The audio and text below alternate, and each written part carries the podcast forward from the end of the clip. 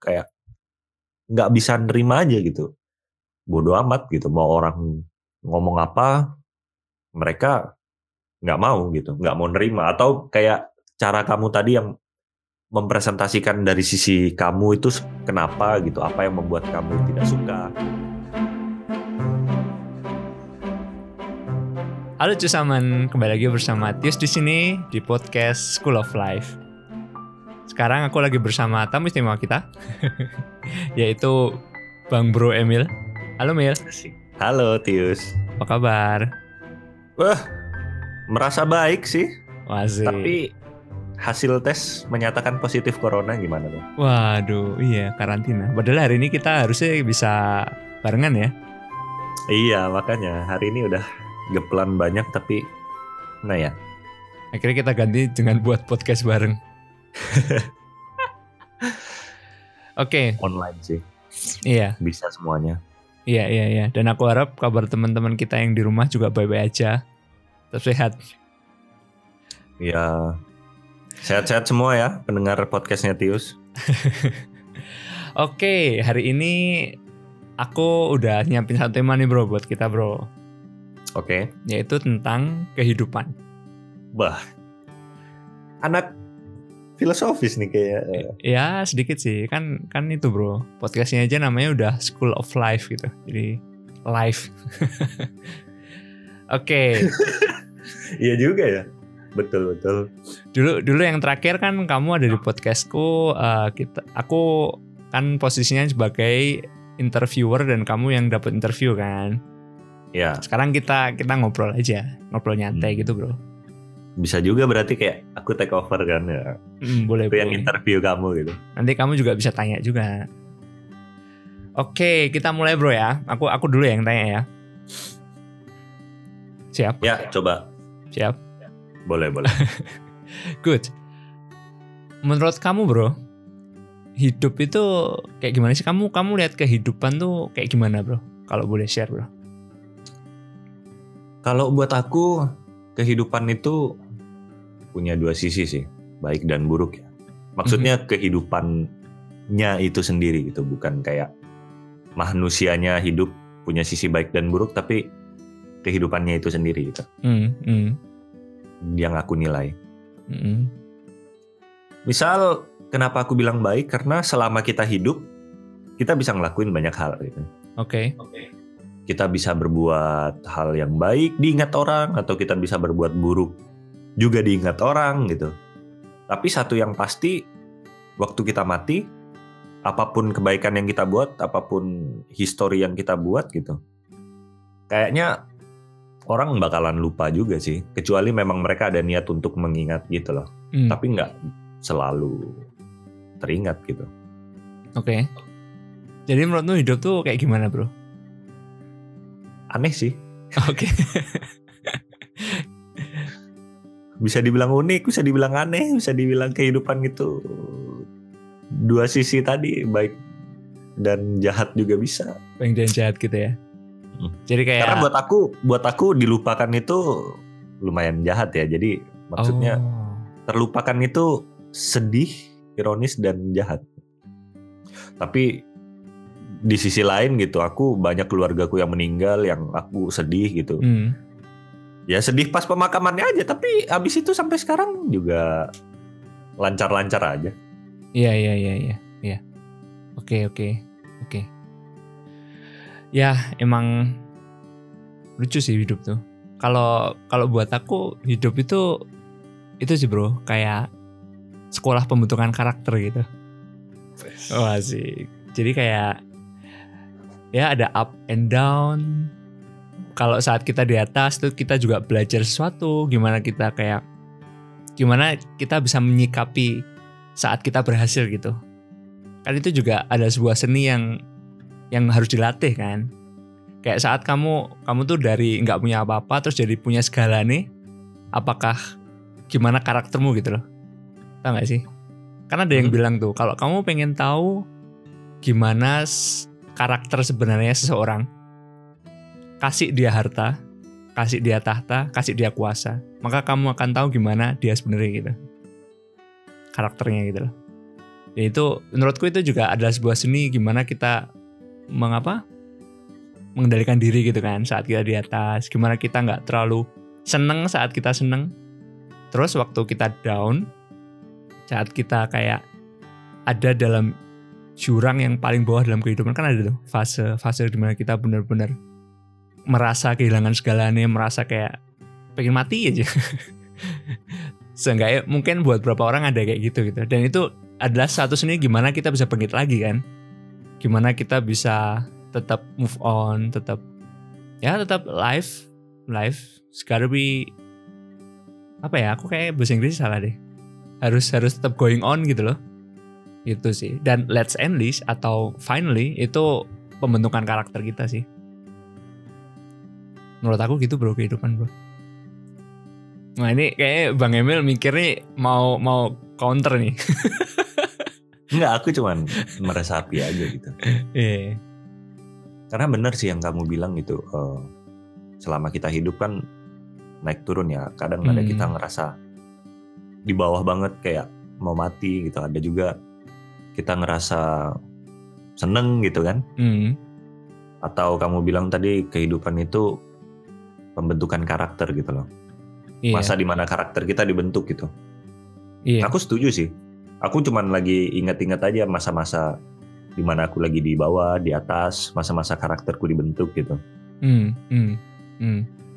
Karena dari kehidupanku berasa di bawah, terus berasa sakit gitu. Pas aku seneng, aku jadi keinget gitu loh. Oh, jangan terlalu gimana gitu, jangan Hmm. terlalu seneng atau jangan terlalu menikmati atau jangan jadi sombong gitu. Karena kapan-kapan nanti juga pasti di bawah lagi gitu loh. Iya. Iya. Iya. Justru waktu-waktunya kita lagi seneng dan berada itu waktu-waktunya kita mempersiapkan diri untuk beban yang di depan yang lebih berat gitu. sih. Mm-mm. Karena satu yang pasti dalam kehidupan itu selalu terjadi perubahan sih. Mm-mm. Kalau udah nggak ada berubah, itu berarti udah mati sih. Kalau nggak Hmm, ada hmm. perubahan sama sekali. Dan yang pasti semakin lama kita hidup beban semakin berat sih. Waduh, ngomongin beban nih. beban hidup nih. Enggak, maksudnya karena kan eh, kita dari kecil selalu dapat dapat tes hidup, di tes hidup Iya, itu apakah level kualitas hidup kita meningkat gitu, entah itu secara finansial, entah itu secara mental gitu, entah itu secara banyak hal gitu kan. Mm-mm. Ya, semakin kita mengerti ya masalah yang di depan bakalan ngetes pengertian kita yang sekarang. Gitu juga lanjut lanjut lanjut gitu. Apakah kita bisa lewatin atau enggak gitu. Aku yakin juga kamu pasti kalau kamu lihat kamu yang di belakang gitu masalahmu contoh ya masalah hidupmu mungkin dulu yang nggak ada uang buat belanja mungkin atau nggak ada pacar gitu misalnya lagi jomblo gitu kayak aduh kok sepi sendiri gitu. Sekarang pasti setelah nikah masalahnya beda kan Iya. Iya sih benar. dengan orang yang sama masalahnya pasti semakin bervariasi juga Iya. Emang kayak gitu sih, Bro. Nah, Bro, ngomongin up and down nih, Bro. Kalau kamu kamu ada nggak sih yang sekarang lagi maksudnya sekarang yang lagi kepikiran up kamu tuh selama hidup nih yang pernah kamu kalau kamu share nih ya. Mhm. Apa sih, Bro? Yang benar-benar oh aku tuh aku nih lagi merasa di puncak gitu. Atau mungkin ada beberapa sebutin satu aja mungkin kalau kamu mau share. gimana gimana? Aku agak nggak ngerti. Kayak mesti ada ada momen-momen di hidupmu yang merasa wow gitu. I I really like it atau wow itu amazing gitu. Yang up ini kan ada Aku- up and down nih.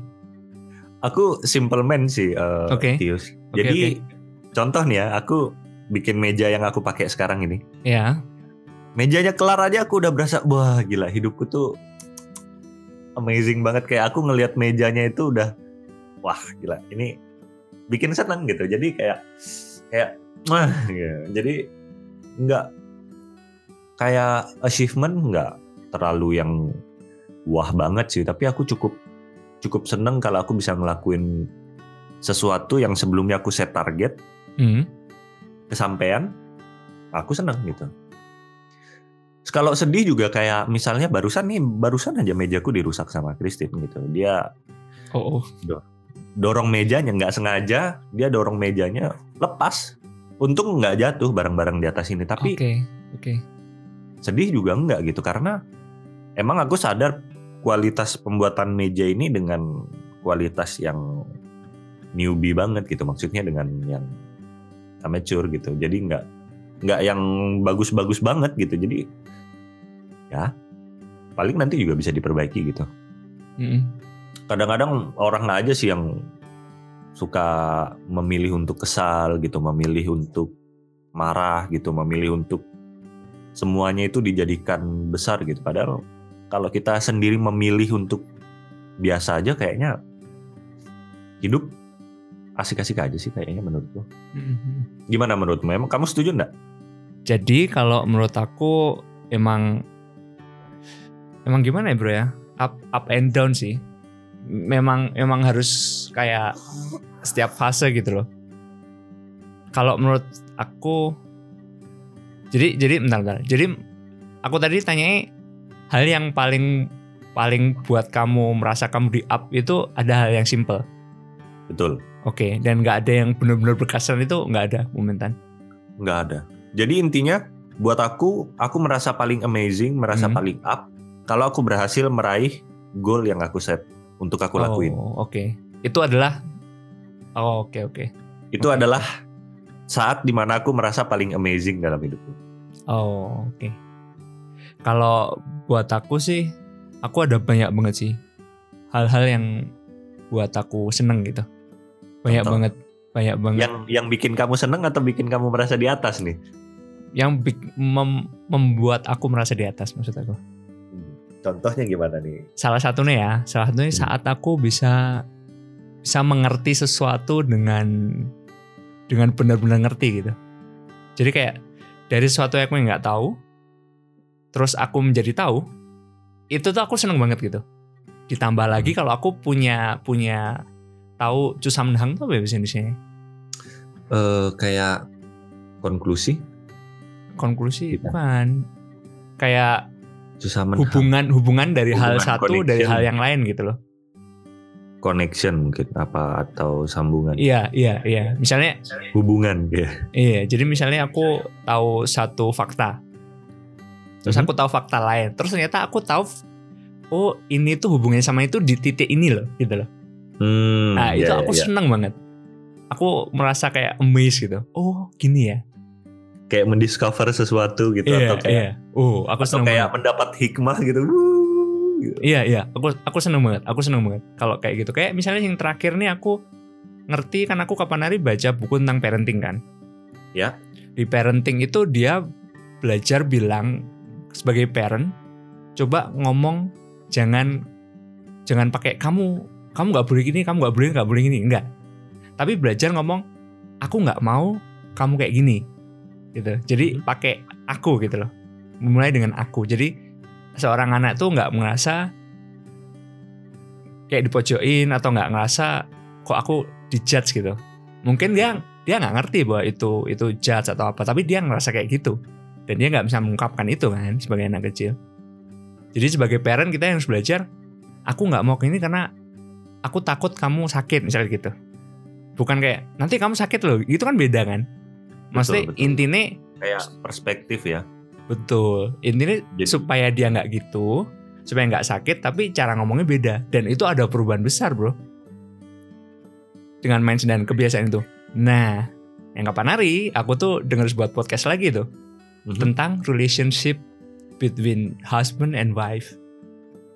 Jadi dia membahas tentang gimana sih uh, konflik yang sehat itu gimana sih. Jadi ada konflik yang membangun, ada konflik yang menghancurkan gitu. Waduh, aku senang banget kalau ada kayak gitu mind blowing. Wah, gitu loh. Bro. Kayak kayak hal-hal simpel kayak gini loh. Mhm. Dan ternyata ada ada persamaan antara ngomong sama anak dan ngomong sama orang. Jadi ternyata secara general kalau kita menyampaikan sesuatu dengan I form, jadi I dengan Mhm. aku. Misalnya aku bertengkar sama istri nih. Aku bilang, aku tuh kecewa kalau kamu kayak gini atau aku sedih banget deh kalau kamu melakukan ini ini gitu. Mhm. Jadi aku nggak judge dia. Kamu tuh kayak kayak gini loh. Kamu tuh jangan kayak gini gitu. Karena kalau aku mengatakan dengan kamu, secara otomatis biasanya orang tuh kayak defense diri sendiri gitu. Oh, kamu kan Hmm. juga gini, kamu kan juga gini. Jadi nggak ada habisnya gitu bro. Hmm. Tapi kalau aku bilang ya aku ngerasa kayak gini, jadi dia nggak orang yang digituin tuh nggak ngerasa terpojokkan, tapi tetap tahu informasi yang disampaikan gitu loh. Betul, betul. Gitu. Dan aku aku seneng banget sih. Contoh contoh-contoh kayak gini. Maksudnya contoh-contohnya seperti itu yang udah aku sampaikan gitu. Itu bro. Berarti seperti kita mempresentasikan kita Mhm. supaya orang lain lihat gitu. Mm-mm. Unstart dia defense, dia take a look gitu. Hmm, oke gitu. Dia mengerti jadi apa yang kita rasain gitu di sisi kita ya. Bener. Tanpa judge orangnya kan. Mhm. Jadi dia Hmm. jadi kalaupun dia berubah itu bukan karena aku yang minta, tapi karena dia tahu aku nggak nyaman dengan hal itu dan aku pun juga tetap harus belajar untuk mengenal dia gitu kan kan behave-nya dia kan itulah yang membuat dia itu dia gitu kan Betul. behave kamu itu itu yang buat kamu seorang Emil gitu kalau aku mau connect sama kamu otomatis kan aku harus toleransi sesuatu yang aku nggak bisa dari kamu dan kamu pun juga kayak gitu gitu kan? Tau gak sih? Kayak misalnya kamu ada satu behavior yang aku nggak suka. Kalau aku Oh ya? mau connect sama kamu misal bro misal. Oh, langsung oh ya? Gitu bro. Jadi kan ya toleransi lah. Namanya hubungan kan butuh toleransi. Bukan toleransi sih. Ya toleransi tapi kompromi sorry. Yang kata yang tepat kompromi. Apalagi kalau Hmm. suami istri bro gitu bro. Oke ini Menarik. ini kita udah ngobrol nih. Ada lagi bro. Siapa tuh? kalau daunnya gimana bro? Kalau daun kamu tuh gimana bro?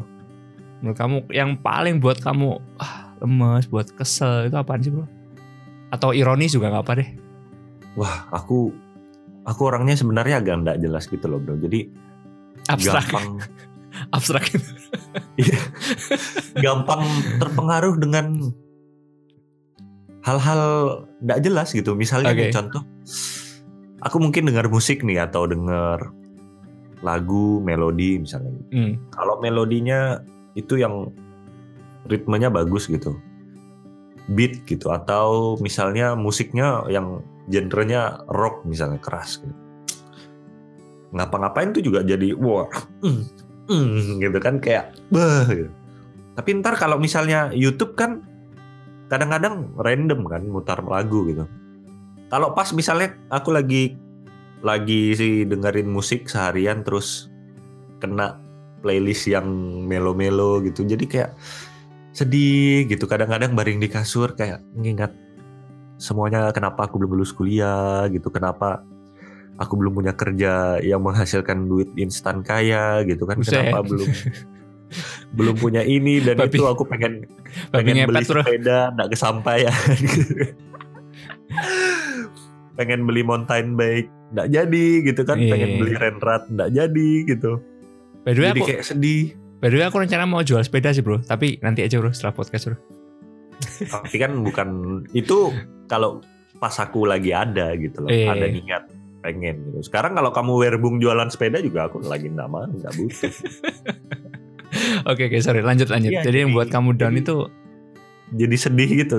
Ka- kadang-kadang yang bikin aku down itu nggak jelas gitu. Hmm, jadi apa pun bisa gitu maksud kamu? Iya, kayaknya tergantung lingkungan di sekitarku sih. Kalau di lingkungan sekitarku itu ndak jelas gitu, sedih, Hmm. down, aura-auranya tuh negatif. Kayaknya aku bisa terpengaruh sih, oke. Mudah terpengaruh oke apa pun itu apa pun itu kayaknya. Hmm. Atau paling sedih kalau misalnya Christine ngambil Oreo donatku tiba-tiba habis, aku bisa sedih sih. Tapi sedihnya juga nggak lama-lama gitu. Paling aku bilang, oh, iya nggak apa-apa makan aja sayang. Itu memang buat kamu. Gitu. Kayak biar level like apa level kasih sayangnya tuh makin naik gitu kayak dia wah Emil ah, gitu. padahal Asik. dalam hati "Beuh," gitu. Makan. Oke. Oke boleh boleh boleh. Scripted bro. Kamu harus belajar membuat pasanganmu tuh merasa dicintai. Meskipun fake fake sedikit nggak apa-apa lah. Asik. Oke oke. Challenge accepted asik. Oke sekarang gantian aku ya. Kalau aku hal yang buat aku sedih atau kayak down banget itu mungkin kalau ada sesuatu terjadi di luar ekspektasiku sih. Jadi aku aku tuh punya cenderung kayak gimana ya? Aku kan punya ekspektasi kan. Mhm. Meskipun ekspektasi nggak tinggi banget gitu, tapi aku punya ekspektasi terhadap diriku sendiri, orang lain, ataupun berapa orang gitu loh, ataupun keadaan. Aku punya ekspektasi itu. Dan kamu memang senang eh, memberi ekspektasi gitu maksudnya Ya nggak men-set ekspektasi. ya dalam arti kayak kayak bukan ekspresi yang gimana cuman kayak mungkin karena aku orangnya harmoni ya jadi kayak aku tuh pengen semuanya itu harmonis stabil nggak ada masalah gitu loh bro Ya. nah itu kan ekspektasi aku kan sebenarnya begitu ada sesuatu yang nggak yang nggak harmonis tuh misalnya aku ada masalah aku ada apa gitu aku tuh lumayan sensitif bro orangnya bro Mhm. jadi eh, itu yang buat aku kadang mikir banget down banget. Misalnya nih, aku ngobrol sama kolega, Mhm. ya kan. Terus aku lihat dia agak agak gimana ya kayak genef gitu apa ya? Agak Merasa kayak annoyed Betul. gitu, ya ya kan. Gitu tuh aku udah mikir loh, emang aku tadi salah ngomong ya gitu.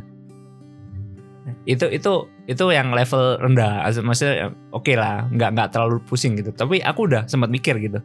Mhm. Jadi aku kadang ngerasa bertanggung jawab atas sesuatu yang mungkin sebenarnya harusnya aku nggak ngerasa aku ngambil tanggung jawab itu gitu. Kalau sesuatu yang jelek terjadi ya. Cuman aku ngerasa kayak semua itu tanggung jawabku gitu. Misalnya dalam relationship atau dalam keluarga atau dalam pertemanan gitu kan. Jadi aku mungkin orang yang milih untuk disalahin tapi semuanya everything alright Mhm. daripada aku ngomong tapi jadi masalah gitu. Sebenarnya aku kayak gitu. Cuman karena sekarang udah banyak terjadi jadi mulai berubah lah, mulai mulai udah berubah mulai bisa konflik. menerima. Iya. nggak cuma terima, santai. tapi bisa mulai untuk menyampaikan konflik gitu. Oke Mhm. dengan konflik itu kan butuh belajar juga kan. Oke oke. Ini oke. aku komen yang punyamu ya. Hmm. Maksudnya menurutku aku bisa setuju kalau kamu bilang hidup itu kesempatan untuk mengasah karakter. Hmm.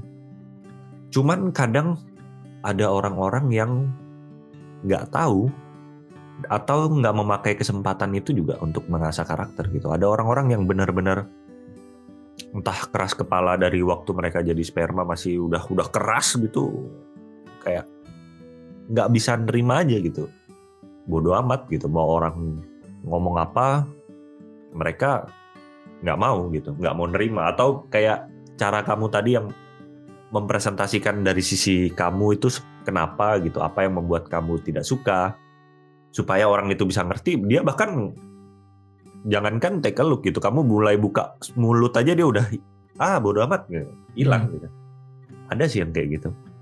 Dan menurutku kalau misalnya kamu bisa berubah sampai kayak sekarang itu juga karena kamu yang mau. Hmm. Ya, Itu tergantung orangnya ya. Iya sih. Betul. Emang emang bener sih. dan kayaknya juga tergantung lingkungan sih maksudnya bisa jadi kamu seperti ini karena kamu ada di lingkungan yang terpelajar atau sumber informasi itu bagus dan bervariasi dan juga kamu kerja di lingkungan orang-orang yang terus mikir terus mikir gitu. Cari losung ada apa dikerjakan dan segala macam. Karena bisa jadi di tempat-tempat yang pendidikannya kurang gitu atau di lingkungan-lingkungan yang bisa dibilang sumber daya manusianya masih rendah. Itu kayaknya nggak nggak banyak orang-orang yang mau berubah atau mau mengembangkan karakter. Sampai mungkin ada orang yang misal kayak Melani gitu dia si Mei dia dia kan punya apa dia ikut di satu yayasan gitu kan dia mau nolongin anak-anak ngajarin anak-anak dari kecil gitu kasih buku, pendidikan dan segala macam gitu. Mungkin itu baru bakalan ngebuka orang-orang. Tapi sounds kayaknya di tempat-tempat terpencil gitu susah sih. Kayaknya Iya. kamu juga ya seperti yang ku bilang tadi gitu, kamu juga terbantu dengan lingkungan sekitarmu sekarang kan. Bisa jadi sih, bisa jadi. Dan especially saat kita mau educate ourselves gitu loh. Kayak Betul. tetap tetap ya tetap educate aja. Cari buka telinga selebar-lebarnya. Baca seperlunya. Se sebanyaknya dan seperlunya. Gitu kan. Kenapa kamu bilang baca dengan seperlunya? kan ada hal yang nggak perlu dibaca. Hmm, ya kan? Boleh, boleh. maksudnya nggak semua hal yang dibaca itu bermanfaat gitu loh Betul. dan nggak dan nggak semua yang didengar juga bermanfaat sih jadi kita yang bisa filter sih gitu bro Bisa.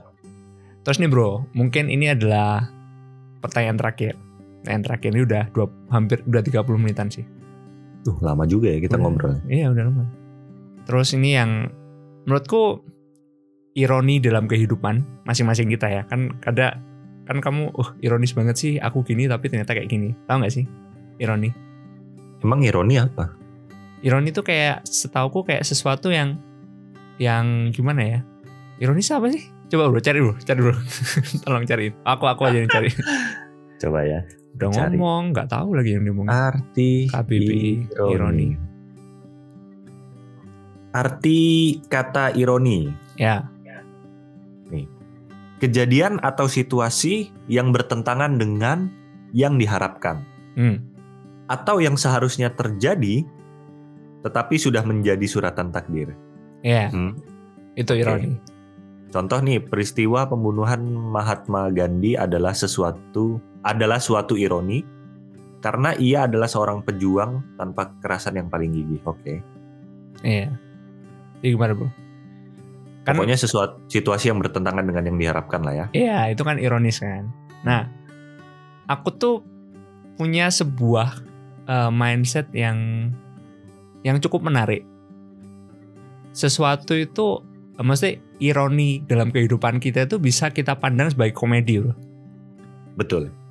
Nah, menurutmu gimana nih? Menurutmu statement itu gimana? Aku setuju sih dengan statement itu.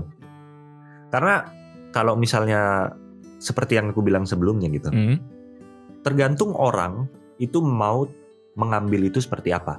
Mau take itu, mau take satu kejadian itu menjadi apa.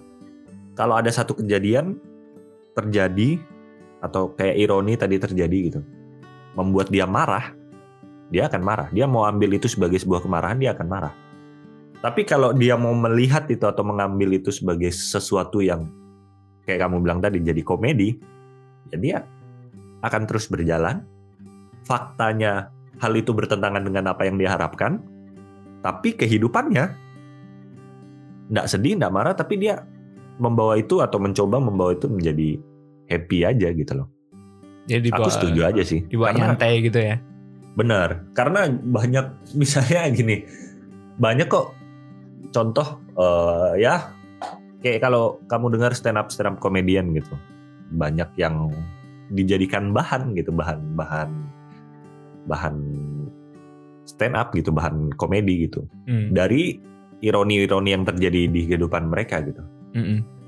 Iya, gua pengen nih gitu beli nasi padang misalnya gitu, tapi bukannya beli nasi padang gara-gara nggak ada duit misalnya gitu, malah gua harus kerja di ladang misalnya gitu kayak ya ekspektasinya apa harapannya apa tapi nggak dapet gitu tapi jadi bahan konten gitu jadi orang juga tertawa mendengar itu meskipun waktu dia melewati hal itu sulit tapi dia juga Gans Amende dia happy happy aja gitu aku setuju sih dengan pernyataan kamu tadi Hmm, hmm. Kalau menurutku juga gitu sih, karena itu adalah salah satu kalau memandang sebuah ironi dalam kehidupan kita sebagai komedi, itu kayak membantu kita supaya nggak terlalu stres-stres banget gitu loh. Tau gak sih? bang Seenggaknya itu membantu aku sih. Jadi kayak Hmm. lucu ya, begini gini tapi kayak gini gitu loh. Tau gak sih Hmm. kayak ya come on, ya maksudnya gitu sih bro. Ini seni untuk melepaskan sesuatu yang diinginkan dan tidak bisa di- didapatkan. Ada seninya bro. Boleh boleh ini ini teorimu sendiri atau kamu dapat dari orang lain nih dari buku atau dari podcast Mungkin campuran sih bro. Mungkin Oke. campuran kan ada apa? Em, seni untuk melepaskan atau apa sih bahasa Inggris? Seni itu apa ya? Art of letting things go. Asik. Art of Frozen. Asik. Iya. Let it go, let it go. Iya, iya. Oke bro, yang terakhir kamu kira-kira ada pesan atau kesan yang mau disampaikan sama teman-teman kita, student-student School of Life ini bro? Wah berat ya ngasih pesan. Kasih kesan aja kayaknya maksudnya. Oke. kalau boleh, pesan boleh.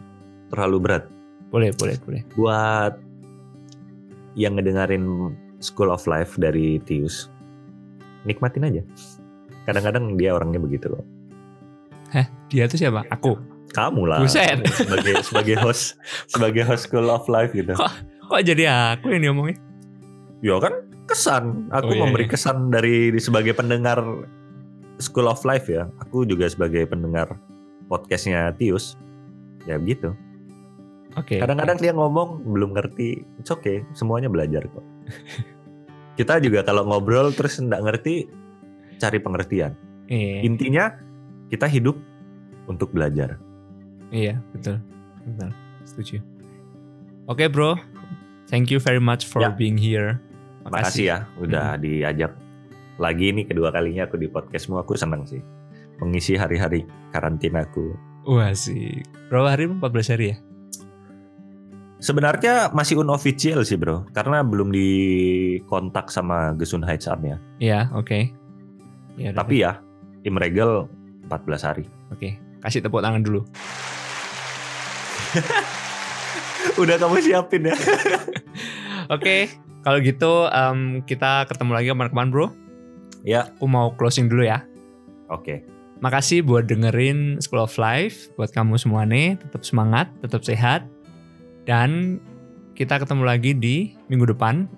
Aku belum nyiapin banget, tapi ya biarkan itu menjadi kejutan buat kamu, buat aku juga. Dan kalau kamu ada saran, ada komentar atau ada tema yang mau dibahas, kamu bisa langsung email aja ke aku sonardo@yahoo.com s o n n a r d o at yahoo.com dan never forget that you are very blessed. Bye bye. Dadah.